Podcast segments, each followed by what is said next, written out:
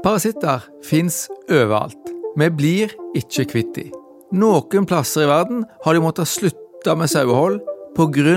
at parasittbyrden har blitt altfor stor, og parasittene har blitt resistente, altså motstandsdyktige mot de midlene vi bruker til å bekjempe dem. Parasitter gir store økonomiske tap i saueholdet, og det er en alvorlig utfordring for dyrevelferden. Bjarte Rangen Njå har 300 sau som beiter på innmarksbeite hele året. Han har et bevisst fokus på parasitter i sin produksjon. Jeg tror nok at eh, parasitter er større problem eller folk eh, er klar over, som beiter på, sånn, på innmarksbeiter. Jeg syns alltid det er godt å ta en prøve bare for å vite. For det, det er ikke gildt å gå og lure på det heller.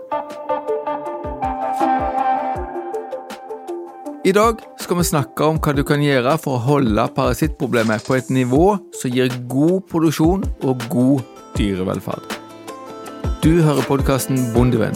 Mitt navn er Magnus Haugland.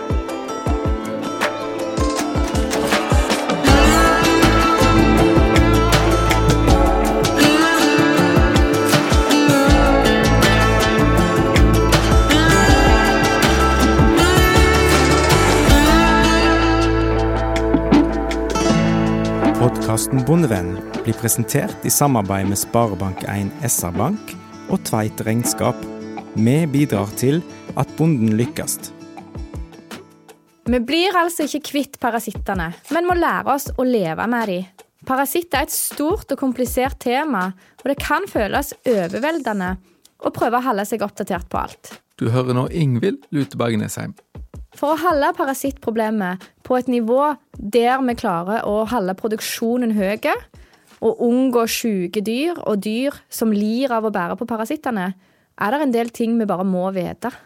For det å dure på i blinde med makkamiddel og behandle alle dyr og alle flokker likt, har vist seg å være både kostbart, men ikke minst så gir det fare for at vi lager oss et stort problem, nemlig resistens.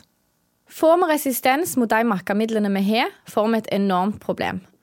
Heldigvis så finnes det mennesker som har brukt uhorvelig masse tid på å sette seg inn i parasittproblematikken, og som kan hjelpe oss med å gjøre bedre valg for å forebygge dette. Vi har snakka med sauenerd Siv Meling, som er en av de som har virkelig god oversikt, og oppdaterer seg faglig på dette området. Siv er en kjemperessurs i sauemiljøet på øyene i Ryfylke. Først skal vi høre hvilke parasitter vi har problemer her på Vestlandet. Hos sau har vi mange forskjellige. Vi har rundorm, flatorm, bendelorm og koksidier. I dag skal vi snakke om rundorm, og det er mange forskjellige av de òg. Atle Dunke gjorde en kjempejobb i doktorgradsarbeidet sitt med å kartlegge hvilke rundormer vi har rundt om i de forskjellige landsdelene. Her hos oss er det løpemakkerne, rød og brun, som altså lever i løpemagen. Den røde kjenner mange som hemonkus, og han er rød fordi han suger blod.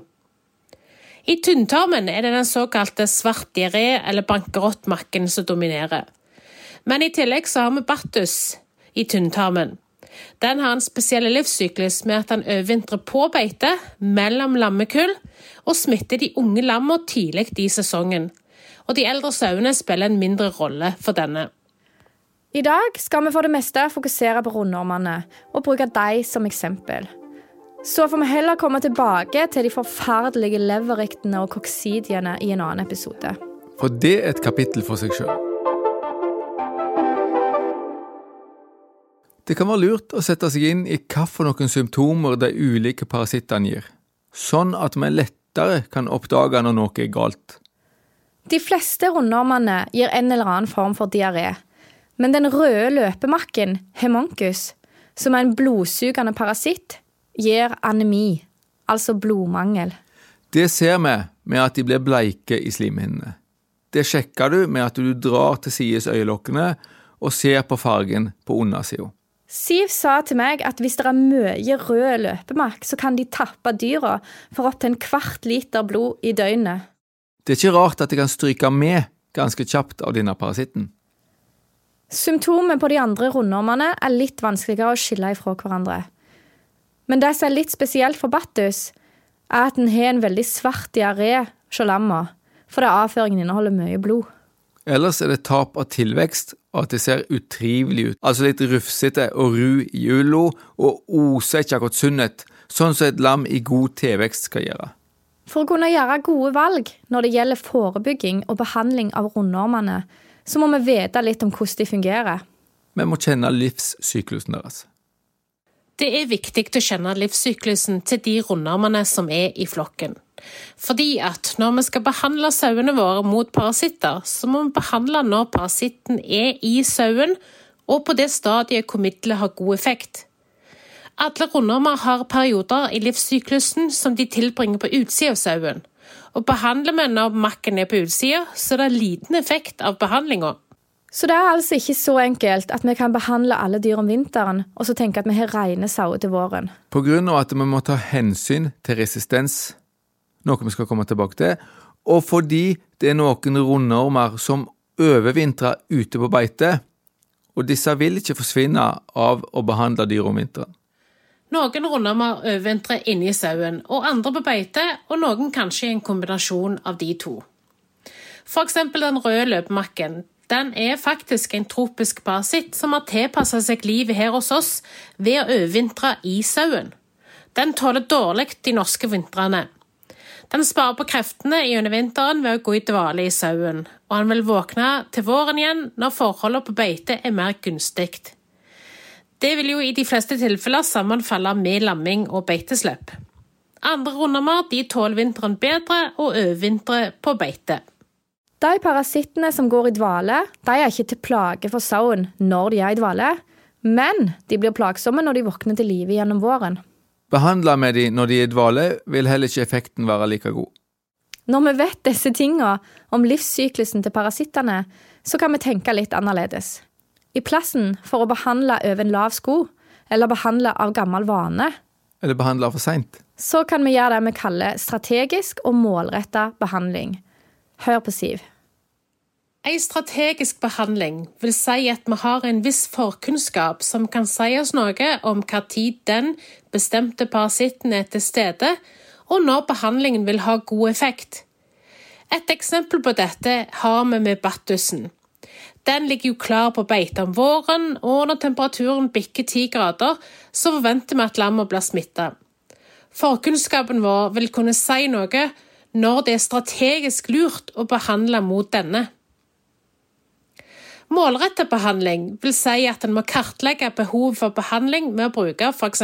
tilvekstmålinger og eller eggtellinger for å finne det beste tidspunktet for behandlinga. Denne metoden vil være aktuell for de fleste rundormene i beitesesongen. Og behandlingstidspunktet er vanskelig å forutse.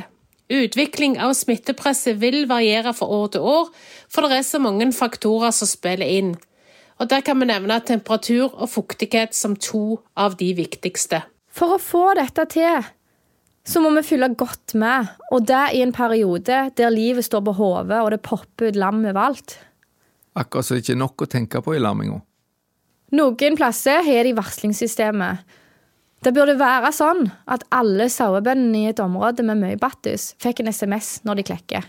Det hadde vært genialt. Og det finnes jo allerede for planteskadegjørere. VIPS, varslingssystem, så det burde jo gå an å bruke samme system for battus.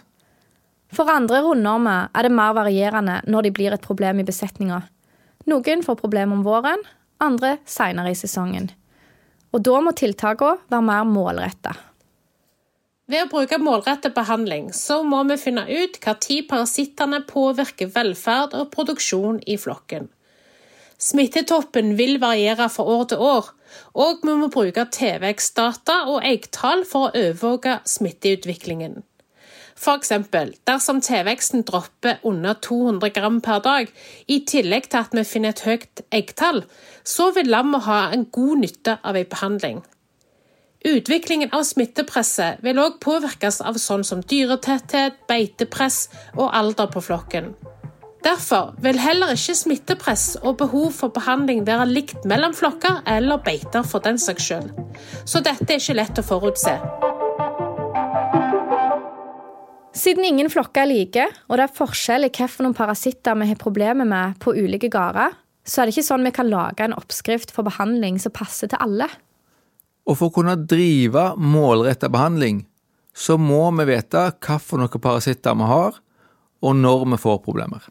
Da kan avføringsprøver være et nyttig verktøy. I en ideell verden så ville jeg nok sagt at en må overvåke parasittstatusen i flokken med avføringsprøver, gjerne hver 14. dag til hver tredje uke. Det vil jo kreve en del prøver, og disse prøvene må jo være representative for hele flokken for å få en god status. Men vi opplever gjerne at vi har dårlig tilgang til eggtellingstjenester, og at det blir fort kostbart. Så dette skulle jeg ønsket var bedre. Synd at vi ikke har tilgang til veterinærer som driver med eggtelling overalt. Det hadde gjort det mye enklere for hver enkelt å behandle rett. Det er sant. Men selv om vi ikke får svar på prøven med en gang, og selv om vi ikke har mulighet til å ta ut prøver ofte nok, så kan det likevel være nyttig, fordi vi får vite hvilke parasitter vi har problemer med, og om vi har et resistensproblem. Og alt dette kan jo også brukes til neste års planlegging av eh, forebyggende tiltak. Det kan også være med på å avdekke om behandlinga har vært vellykka, hvis vi tar ut en prøve en stund etter vi har behandla. Så helt unyttig er det ikke. Nå skal vi høre hvordan Bjarte Rangen Njå tar ut avføringsprøver. Eh, når jeg pleier å ta skittprøver, så går jeg bare rundt på merket, og så eh, jeg går gjerne bort til ei gruppe med lam som ligger og hviler. og så Når de reiser seg opp, så hvis jeg bare holder litt avstand, da, så pleier de, et par av de å skite mens jeg ser på. Og så pleier jeg å gå bort og plukke det, og så tar jeg to tar jeg prøver fra ti lam i én eh, pose, og så fra ti lam til i en annen pose. og Da får du et greit eh, representativt uh, utvalg, da. Du kan sikkert ta mer òg, men uh, det er iallfall sånn jeg har gjort det. For å ikke overdrive behandlinga, må vi vite hvilke dyr som er utsatt, altså hvilke dyr som får problem, som går ut over produksjon og dyrevelferd. Hør på Siv. I all hovedsak så er det lammer som har størst utfordringer med parasitter. Det går ut over tilveksten, helse og velferd, og det er inn mot lamma at den største innsatsen må ligge. Men vi har jo den røde løpemakken, som òg kan angripe eldre dyr. Det tenker jeg eh, spesielt på gimrene og andre søyer som kanskje er litt tynne, eller har andre helseutfordringer, eller har hatt et høyt produksjonsstress som gjør de litt mer mottagelige for sykdom og parasitter. Disse vil nok få en høyere parasittbelastning i forhold til søyer som er i rett hold, friske og mer robuste. Det er altså lammo og de svakeste søyene vi skal konsentrere oss om i beitesesongen. Jevnlig vegging er viktig for å følge med på når problemer oppstår. Hvis vi har høy tilvekst, så er jo ikke lammo veldig plaga, og da kan vi spare oss for en behandling. Og når du har tilsyn med dyra på beite, så ser du jo fort om de er trivelige. Og du kan lære deg å bli god på øyemål, sånn at du oppdager om noe ikke stemmer. Når vi har bestemt oss for at vi må behandle, så er det viktig å gjøre dette på rett måte. En grei huskeregel, det er de fem r-ene. Rett middel, rett dyr, rett tidspunkt, rett dosering og rett inngivning. Når det gjelder behandling, så tenker jeg på hva for noen dyr, og hvor ofte skal de behandles. Vi klarer ikke å behandle oss vekk fra disse parasittene. Men vi må ha mål om å redusere smittepresset og de negative konsekvensene, samtidig som vi må balansere dette opp mot risikoen for at parasittene utvikler resistens mot de medikamentene vi bruker. Vi må prøve så godt vi kan å beholde effekten av de midlene vi har, og vi kan dessverre ikke forvente at det vil utvikles så mange nye midler i nærmeste framtid. Det er utvikla en slags huskeliste, eller retningslinjer, for bruk av parasittmidler. Det er de fem r-ene. Første R handler om rett medikament, dvs. Si å bruke det middelet som har best effekt mot den parasitten vi vil behandle mot. Og dette forutsetter jo at vi vet hvilke parasitter vi har i flokken. Andre R er rett dyr. Og dette handler om å behandle de dyra som har best nytte av en behandling. Og Da snakket vi jo om at lam er mer utsatt enn voksne, men dette vil jo variere fra parasitt til parasitt og gjennom året. Det er en slags eh, tommelfingerregel om at 20% av dyra bærer 80% av makkerne. Så det er slettes ikke sikkert at vi trenger å behandle alle dyra hver gang. Her kommer vi tilbake til tilvekstmålinger og eggtellinger. De lammene som vokser best, har trolig lite problemer med parasitter. Den tredje R-en er rett tidspunkt, og da må vi vite noe om livssyklusen. Vi må vite når makken er i de dyra vi skal behandle. Fjerde R handler om rett dosering. Her kan nok de fleste gjøre ting bedre, og det første en bør gjøre, er å sjekke at doseringspistolen gir det vi tror han gjør. Vi anbefaler å dosere etter de tyngste dyra i gruppa. De medikamentene vi har i Norge, er trygge å bruke, og vi trenger ikke være så redd for overdosering. Og siste er, det handler om rett inngivning av medikamentet. Sørg nå for å legge dosen bak på tunga, og at sauen eller lammet svelger hele dosen. Rett medikament, altså å velge rett makkamiddel, det er én av r-ene. Her er det en del diskusjon om en skal bytte middel gjennom sesongen eller holde seg til ett middel. Når det gjelder valg av medikament, så er det viktig at vi bruker ett medikament som er effektivt mot den parasitten vi ønsker å behandle mot. Det er mange som spør meg om de skal bruke det samme middelet flere år på rad, og da er grunnregelen at vi bør holde oss til det samme medikamentet i et par år etter hverandre, og så skifte til det andre. For vi har jo bare egentlig to midler i Norge. Det er det blanke, og det er det hvite. I noen flokker så får de resistens mot en av disse, og da må dette tas hensyn til. Da må en tenke om alle makkene har utviklet resistens, eller om det er bare f.eks. den røde løpemakken. Behandlingsplanen for kontroll av parasitter må da korrigeres i forhold til dette. Høyt beitetrykk gir større problemer med parasitter. I en tidligere episode så har vi snakka om hvordan etablere og stelle gode kulturbeiter, og for å lykkes med å ta ut store avlinger i beitene, må vi òg ha nok dyr på. Så dette er en av ulempene med å drive intensiv beitedrift. Absolutt. Men det er ikke sånn at de med gode beiter har lave slaktevekter og dårlig dyrevelferd. I praksis er det ofte motsatt. For å la dyr gå på dårlige beiter med lite mat gir dårlig tilvekst og utrivelige dyr, selv om de kanskje ikke har like mye parasitter.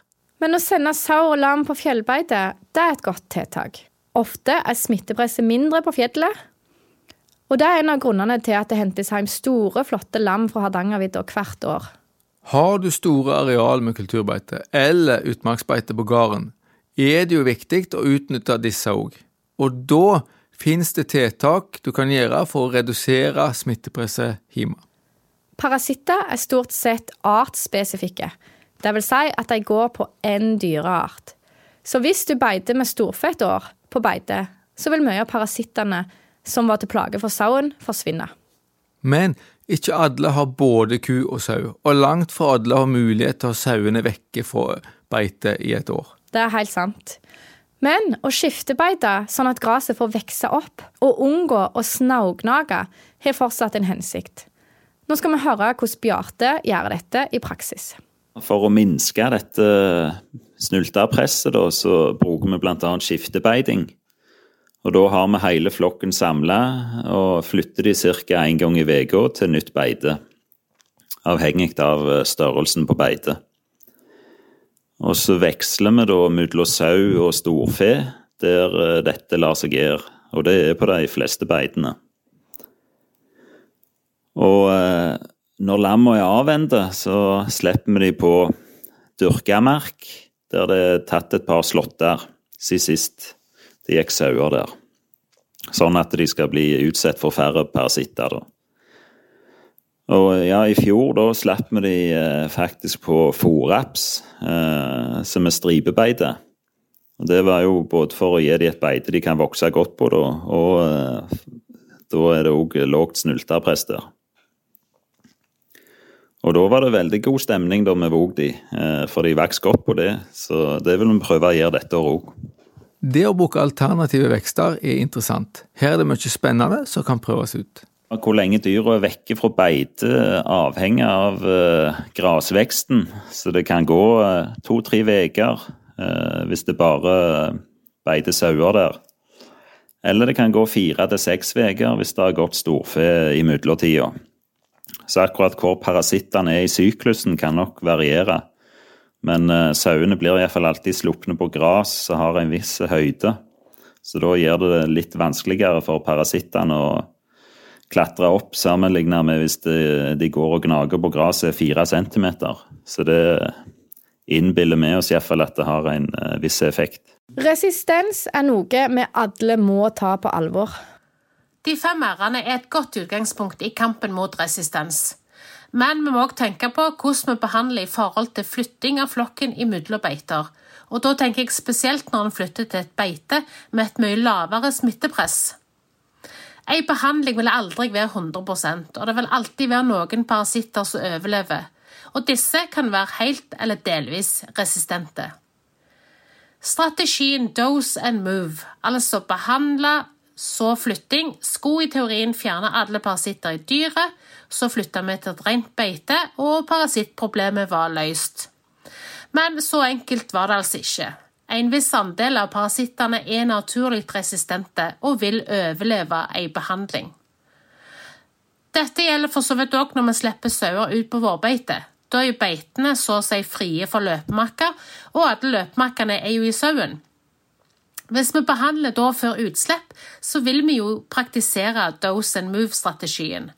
Og Risikoen er jo da at vi slipper ut sauer med en stor andel resistente løpemakker, disse vil så legge egg ut på beite, der det er få eller ingen løpemakker fra før av. Og igjen så vil de bli neste generasjon løpemakker, som da er resistente og vil dominere på beite. Resistens er arvelig, og effekten av medikamentet er tapt for alltid. Derfor må vi tenke oss om når det gjelder behandling av voksne søyer om våren. Trenger vi behandle alle på samme tida? må alle behandles før utslipp, og er det noen søyer som bare for, kan forbli ubehandla. Dette gjelder òg i forbindelse med fjellsending. Fjellbeitene har svært få parasitter. Men dyra vi sender opp, vil jo alltid ta med seg noen. Da gjelder det å sende av gårde følsomme parasitter. Altså igjen, hvilke dyr er det som trenger behandling, trenger alle behandling, og hvilke parasitter er det som er aktive ved fjellsending? Dose and move-strategien har vist seg å fremskynde resistensutvikling og må unngås. Dersom en ønsker eller må behandle alle i forbindelse med flytting til et beite med lavere smittestatus, er det lurt å la dyra gå fire til sju dager etter behandling før de flyttes. Så hvis vi behandler rett før vi laster bilen og kjører sauene til fjells, så tar vi livet av de vi kan ta livet av. Mens de resistente blir med til fjells og danner grunnlaget for parasittpopulasjonen som finnes der. Det høres ut som oppskrift på resistens. Det er mye vi skal ta hensyn til, og det kan være vanskelig å vite hva som er rett tiltak fra år til år. Det kan være lurt å alliere seg med en veterinær og få hjelp til å kartlegge problemer og til å finne rette tiltak i egen flokk. Kontroll av parasitter det er vanskelig og komplisert. Så det er klart at eh, her trenger de aller fleste av oss litt hjelp. Eh, og da eh, kan en enten ta kontakt med veterinæren sin eh, og ha et samarbeid med, med den, for å legge en god plan for parasittkontroll. Jeg vet òg at helsetjenesten for sau hos Animalia de er villig å stille seg tilgjengelige til å utrede og svare på spørsmål og utfordringer som en har i, med parasitter i flokken. Vi blir ikke kvitt parasittene. Vi må lære oss hvordan vi skal håndtere dem, slik at vi unngår syke dyr, produksjonstap og resistens. Vi må gjøre det vi kan for å forebygge, sånn at vi ikke må overdrive behandlingen. Da gjelder beiterotasjon, skiftebeiting og gjerne veksle mellom sau og ku. Unngå snaugnaging av beiter. Flytt dyra til nytt beite før beitegraset er under skotuppen på verneskoen. Følg med når battusen klekker, og ta avføringsprøver for å finne ut når de andre rundormene er størst problem. For å lykkes med behandlingen, så må du ha rett middel, rett dyr, rett tidspunkt, rett dosering og rett inngivning. Unngå å behandle alle dyr før flytting til neste beite. Det framskynder resistens. Står du fast, søk hjelp. Du har hørt på podkasten Bondevenn. Mitt navn er Magnus Haugland, lærer og rådgiver i Norsk landbruksrådgivning Rogaland. Og Ingvild Lutebergen Nesheim, rektor ved Vinterlandbruksskolen i Ryfylke. Har du spørsmål og tilbakemeldinger, Send oss en e-post til podkast.bondevenn.no. Episoden er spilt inn i ABC Studio i Etne. Lyd av Stig Morten Sørheim.